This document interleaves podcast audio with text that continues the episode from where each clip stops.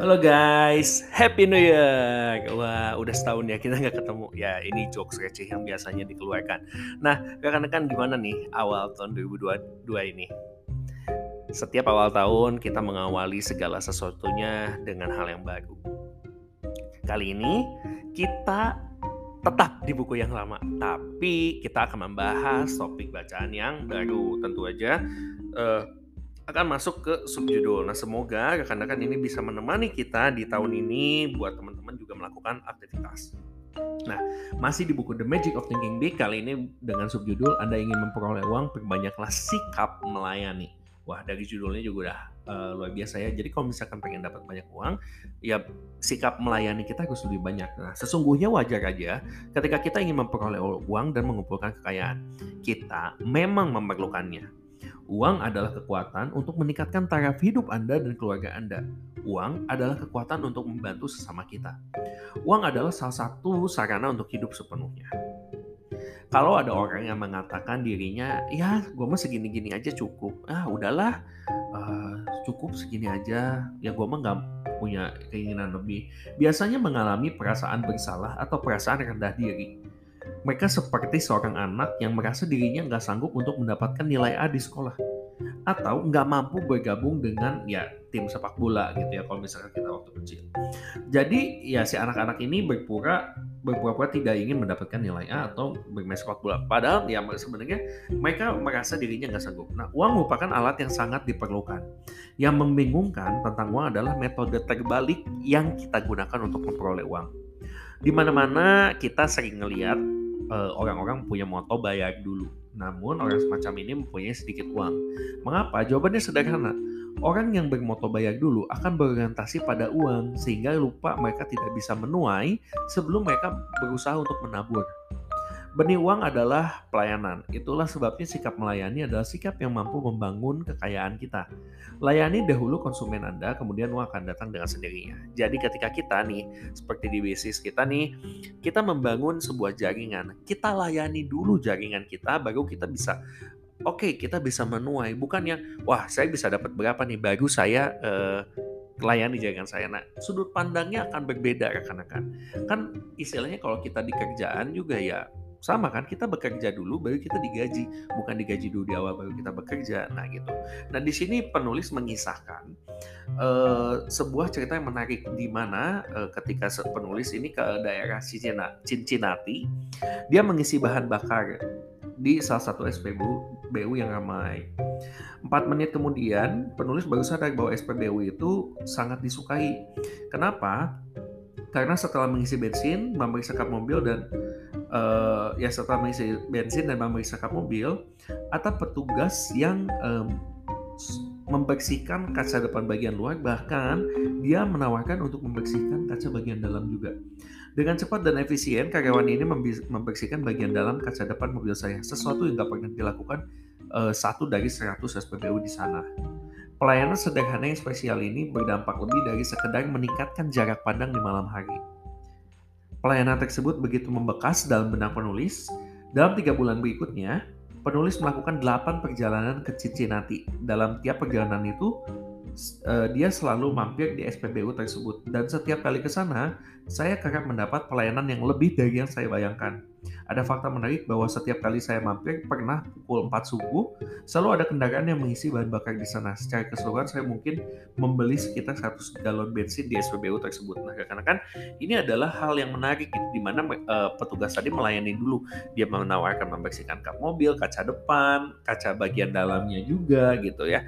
Ini dia mungkin gak dapat tambahan gitu, tapi uh, orang tuh banyak yang ah buat apa? Kan dapatnya segini jadi ngapain ngasih servis lebih gitu. Nah tapi di sini ketika si petugas memberikan servis lebih ini membekas dan akhirnya orang tersebut selalu ke sana lagi ke sana lagi ke sana lagi. Dan ini merupakan uh, proses yang jangka panjang gitu ya teman-teman. Jadi bukan dilihatnya dari oh uh, sebentar aja.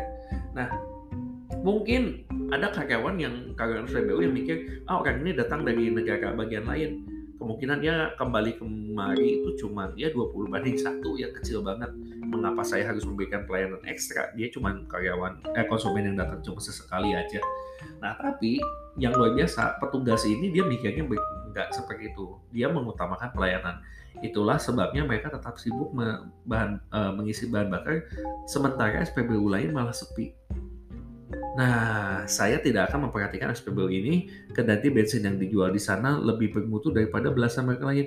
Harga bensin pun sangat bersaing gitu. Kenapa? Karena yang membedakan adalah pelayanannya dan pelayanan tersebut jelas mampu menuai laba. Jadi ya pelayanan ini jangka panjang. Jadi ada yang ngomong ya do the extra mile gitu. Nah, layani dahulu konsumen Anda, uang akan senantiasa datang dengan sendirinya. Ya, sikap melayani bermanfaat dalam segala situasi ya karena karena soalnya uh, banyaknya kejadian serupa ah gue nggak mau ah melakukan ini kenapa ah, gue nggak dapat apa-apa. Sehingga kayak gitu gitu. Tapi ketika kita melayani lebih gitu ya nah ini juga ya akan jadi jangka panjang. Seperti kita membangun jaringan juga ini hal yang sama ya.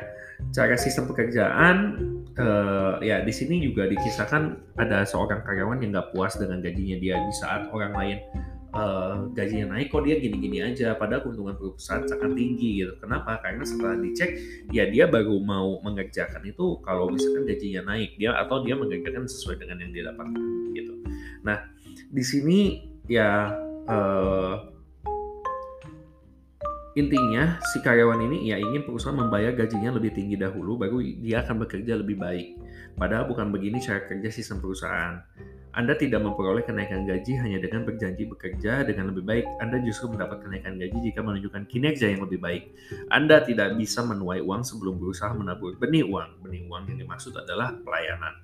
Layani dahulu konsumen Anda, uang akan senantiasa datang dengan sendirinya. Kembali kita diingatkan ya, layani dahulu konsumen kita. Nah kalau saya sendiri konsumennya saya pak jaringan saya gitu.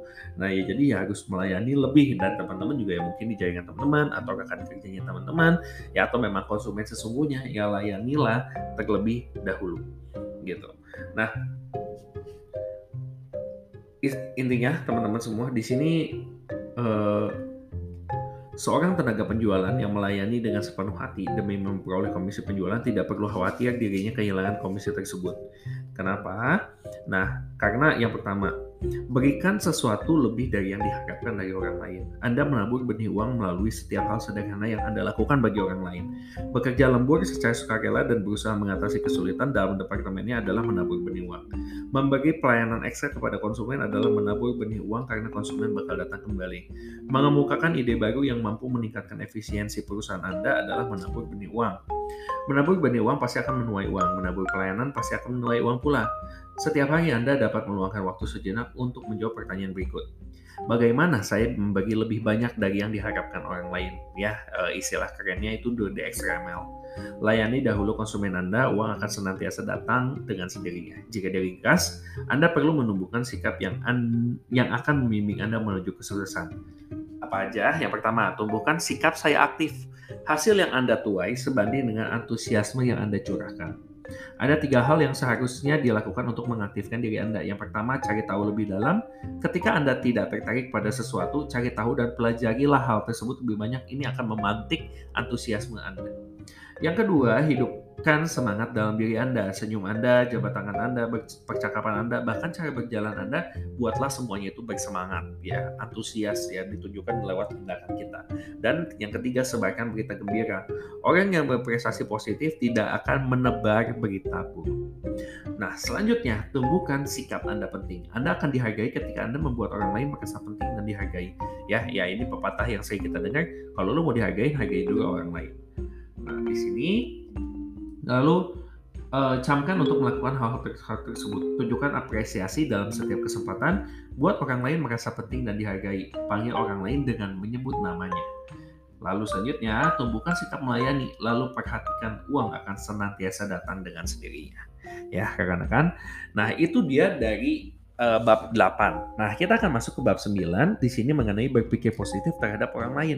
Kita di sini membangun hubungan sama orang lain ya. Kita tadi diajarin tips-tipsnya gimana cara membangun hubungan dengan orang lain lewat pelayanan, lewat menunjukkan apresiasi, memanggil namanya. Nah, tapi kalau pikiran kita nggak positif terhadap mereka ya nggak akan bisa. Nah, berikut da nasihat dasar ya di bab 9 ini mengenai berpikir positif terhadap orang lain. Nasihat dasar untuk memenangkan kesuksesan, camkan dan ingatlah Kesuksesan Anda ditentukan oleh dukungan orang lain. Satu-satunya rintangan antara Anda dan keinginan Anda adalah dukungan orang lain. Perhatikan hal berikut. Seorang eksekutif bergantung pada bawahannya untuk menjalankan instruksinya. Jika anak buahnya tidak menjalankan instruksi dari eksekutif tersebut, direktur utama perusahaan akan memecat eksekutifnya, bukan bawahannya. Seorang tenaga penjualan bergantung pada konsumen untuk membeli produknya. Jika konsumen tidak membeli produk yang ia tawarkan, ya tenaga penjualan ini belum berhasil. Seorang dekan fakultas pun bergantung pada ya para dosen gitu ya untuk menjalankan program pendidikannya gitu. Nah di sini uh, teman-teman kita selalu bergantung sama orang lain ya makhluk sosial. Di sini banyak terjadi dalam sejarah ketika seseorang merebut kekuasaan ya atau merebut kekuasaan dengan kekerasan ia pun akan mempertahankannya dengan kekerasan atau ancaman kekerasan pula pada masa itu kita harus bekerja sama dengan pemimpin atau beresiko kehilangan nyawa. Nah, namun Kini orang lain harus mendukung Anda dengan sungguh-sungguh atau sama sekali tidak mendukung Anda. Nah, makanya pilihannya bukan dengan kekerasan, tapi gimana caranya kita bisa mendapatkan dukungan dari orang lain. Nah, saatnya bertanya, saya bergantung orang lain, eh, saya bergantung pada orang lain untuk meraih kesuksesan. Tapi apa yang harus saya lakukan untuk membuat orang-orang ini mendukung dan menerima kepemimpinan saya? Jika diringkas dalam satu frase, jawabannya adalah berpikir positiflah terhadap orang lain berpikir positif terhadap orang lain, mereka akan menyukai dan mendukung Anda. Nah, di bab ini kita akan membahas mengenai gimana caranya.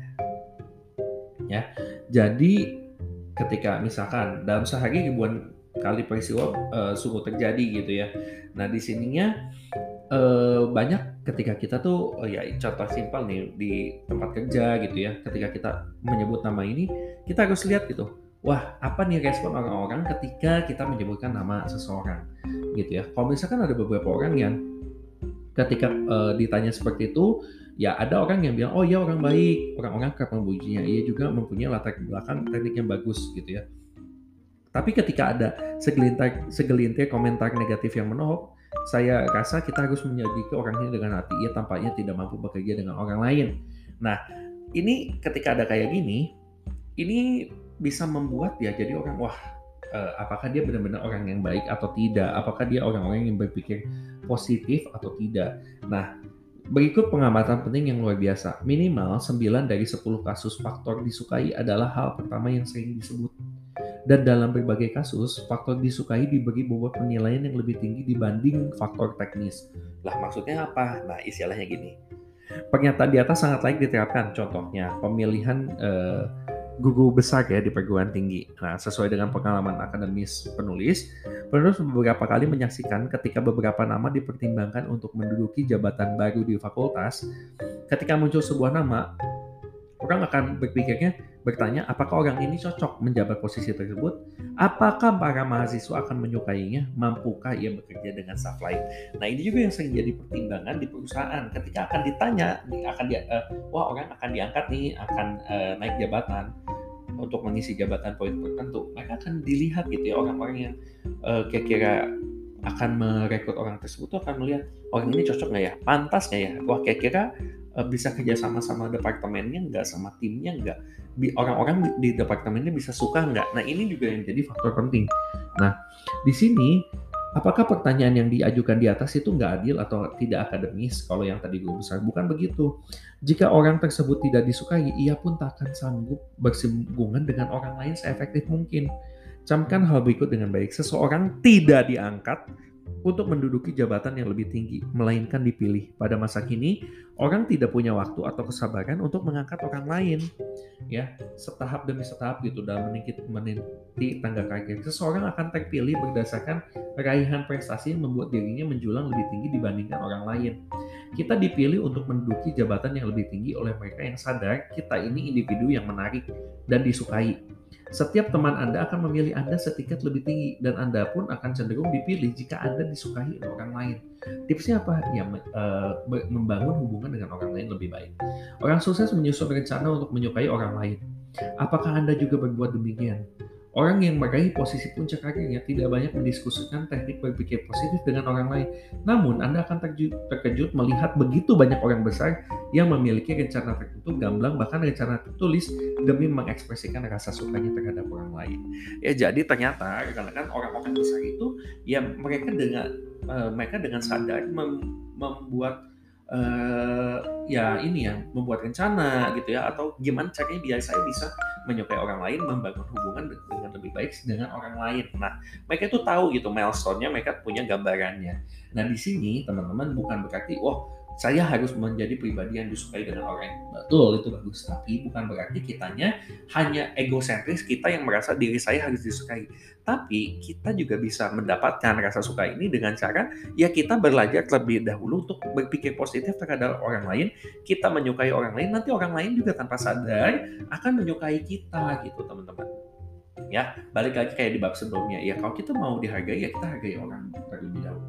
Nah di sini uh, ini ada aturan-aturan hidup yang uh, ini ya formula kesuksesan salah satu presiden ya.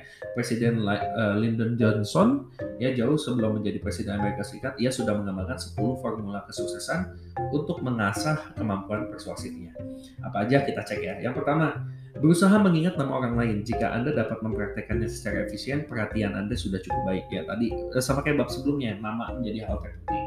Jadilah orang yang menyenangkan, sehingga orang lain tidak perlu merasa tegang ketika berada dengan Anda. Jadilah pribadi yang ramah. Yang ketiga, raih kualitas pribadi yang santai dan mudah bergaul, sehingga Anda mudah menyesuaikan diri dalam berbagai keadaan.